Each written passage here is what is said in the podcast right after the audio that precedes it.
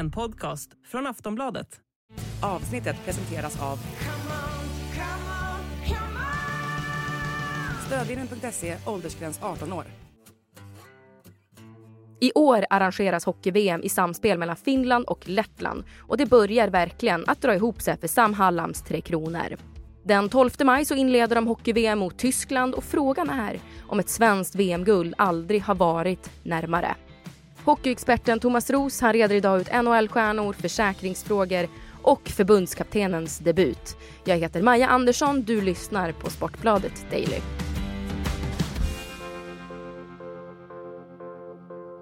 det här laget har ju möjlighet att skrälla, så kan jag säga. De, de kommer kanske vara rankade 3-4 av expertisen då. Det är ju roligare ett sånt här lag överraskar lite och vinner lite och jag tror det här är ett lag som vinner. Det här är inte stjärnor som vinner utan det, det, det är en grupp, ett lag. Det är det som kommer få framgång för Tre Kronor, om de nu får framgång.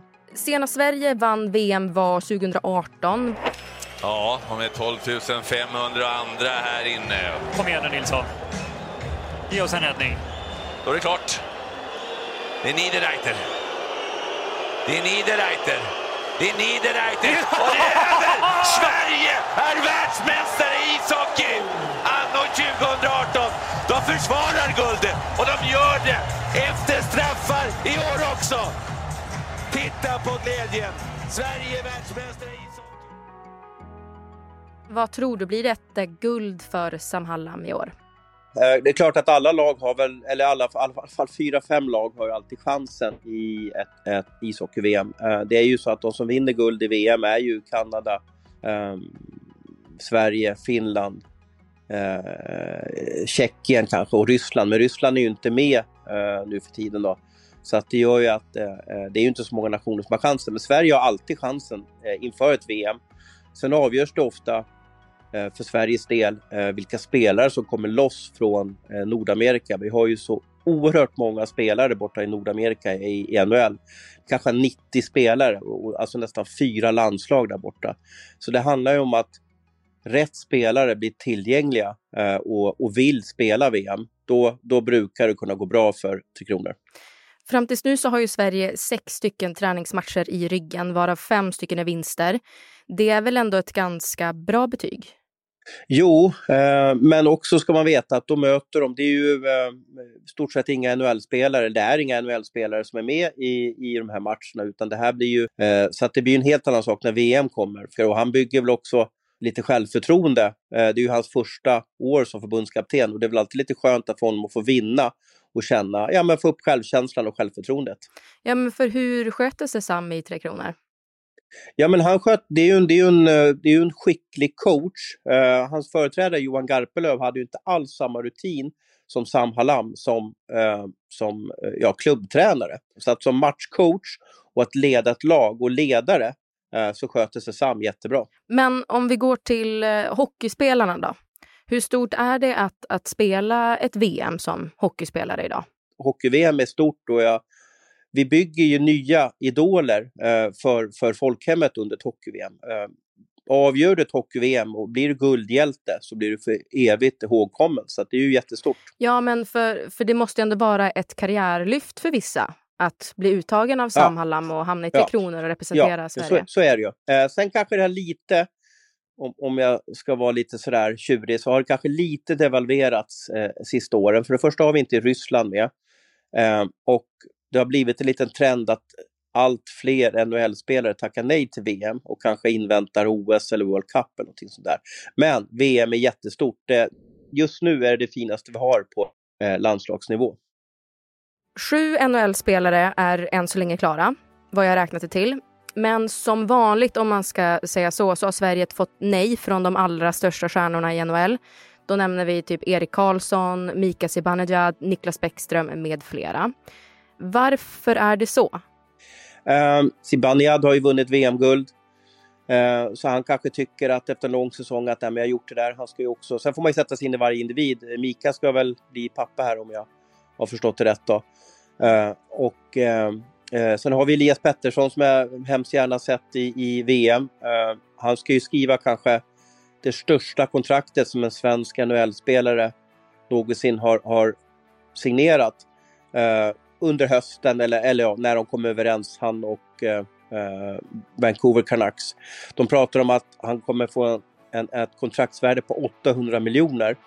Och då vill ju han och hans liksom, stab att det ska vara liksom försäkrat. Att tänk om han Tänk om han bryter benet på, på VM och inte kan spela hockey igen. Då ja, tappar han 800 miljoner. Ja, men för Elias Pettersson har ju då blivit för dyr för att medverka ja, i Tre Kronor. Ja. Um... Men det, man, man, ska också säga att om man ska ge en helhetsbild att eh, ja, det är en dyr försäkring om han ska vara försäkrad för hans nästa kontrakt. Eh, han kan ju också välja att spela VM och va, va, va, ha en försäkring som gäller hans nuvarande kontrakt som går ut om ett år. Eh, det är ju många som gör det för att chansen att bli kanske invalid under ett hockey-VM är väl kanske väldigt liten. Eh, men jag, jag förstår ju Elias att, att han riskerar ju väldigt mycket pengar om han skulle bli skadad. Eh, jag förstår också kritiken mot det hela. Att, ja, men, om du kanske ska tjäna 800 miljoner, kanske kan man då själv ta försäkringen på någon miljon eller teckna en egen försäkring. Precis, för förbundet har ju inte råd att, att eh, finansiera hans försäkring.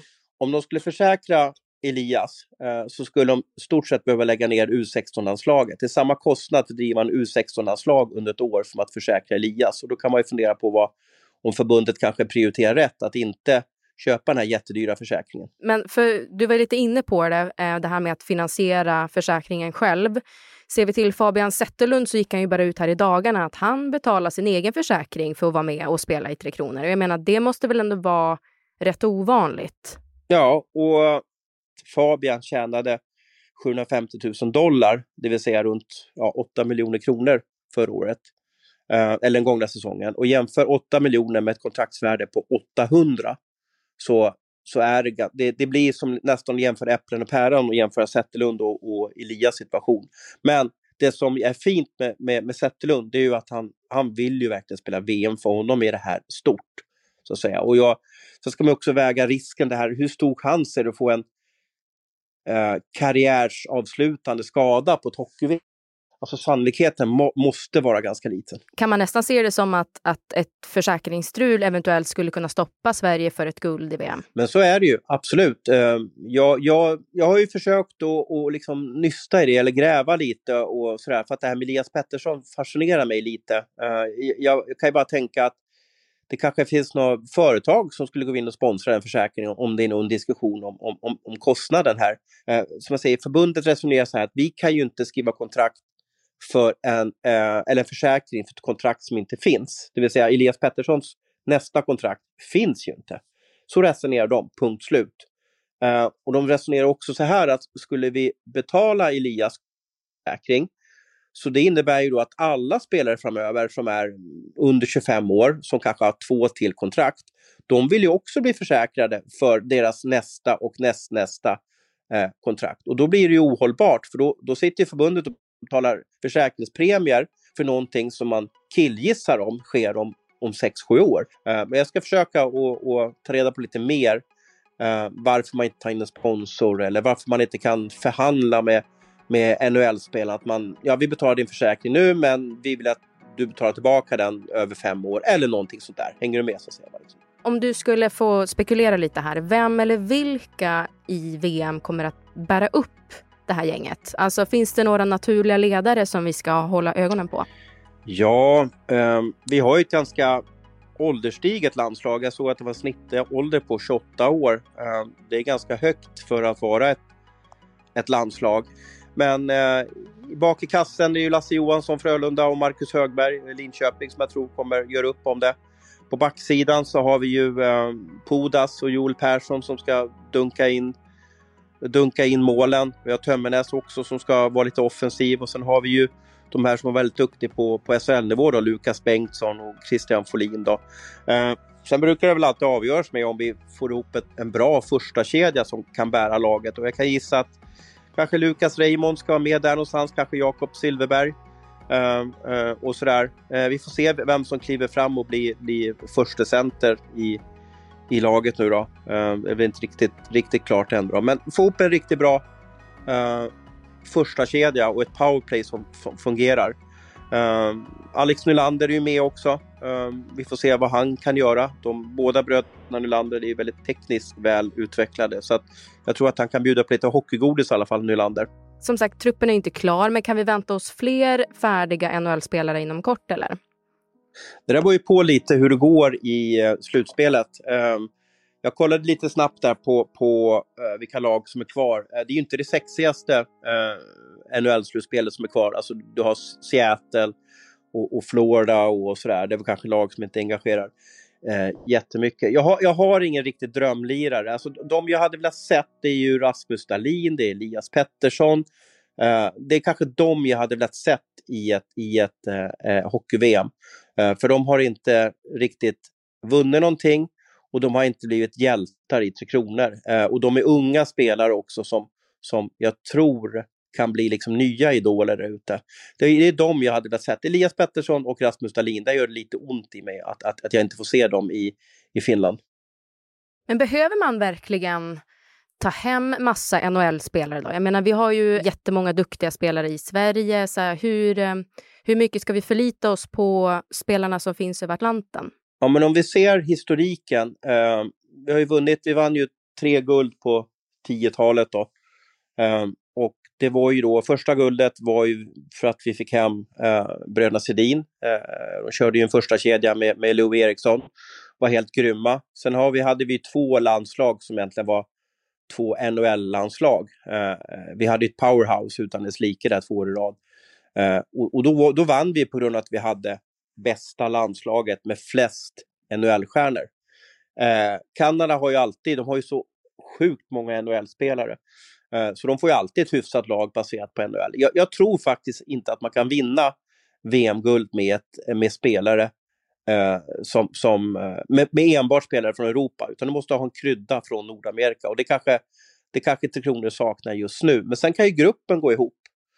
Uh, Uh, och, och, bli väldigt stark och, och göra underverk. Och, och, Sam kanske hittar ett Växjöspel uh, som funkar även på landslagsnivå. Kan vi, kan vi förvänta oss att se några genombrott under årets VM? Ja, men det är ju Lukas Raymond. Som jag, eh, han har ju en väldigt stor uppsida. Eh, det gäller att han får vara i en omgivning där han trivs och att han börjar göra mål. Alltså börjar göra mål direkt, att det funkar direkt. Men det, är också, alltså det som är roligt med det här laget är ju att jag tror ingen kommer tippa dem som etta eller att åh, det här är favoriterna att, att vinna VM-guld.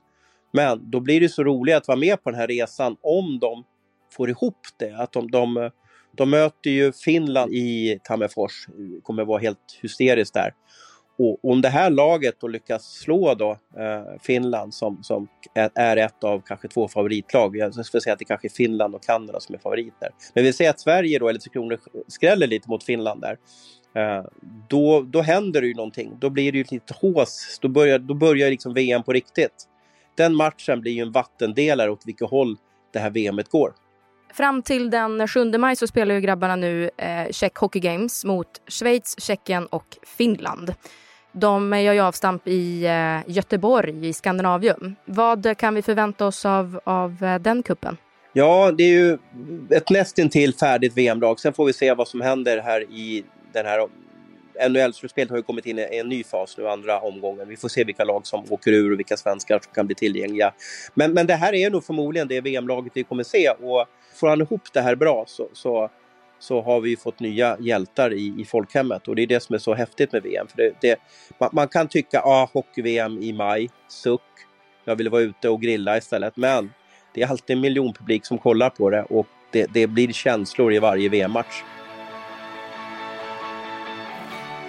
Du har lyssnat på en podcast från Aftonbladet. Ansvarig utgivare är Lena K Samuelsson.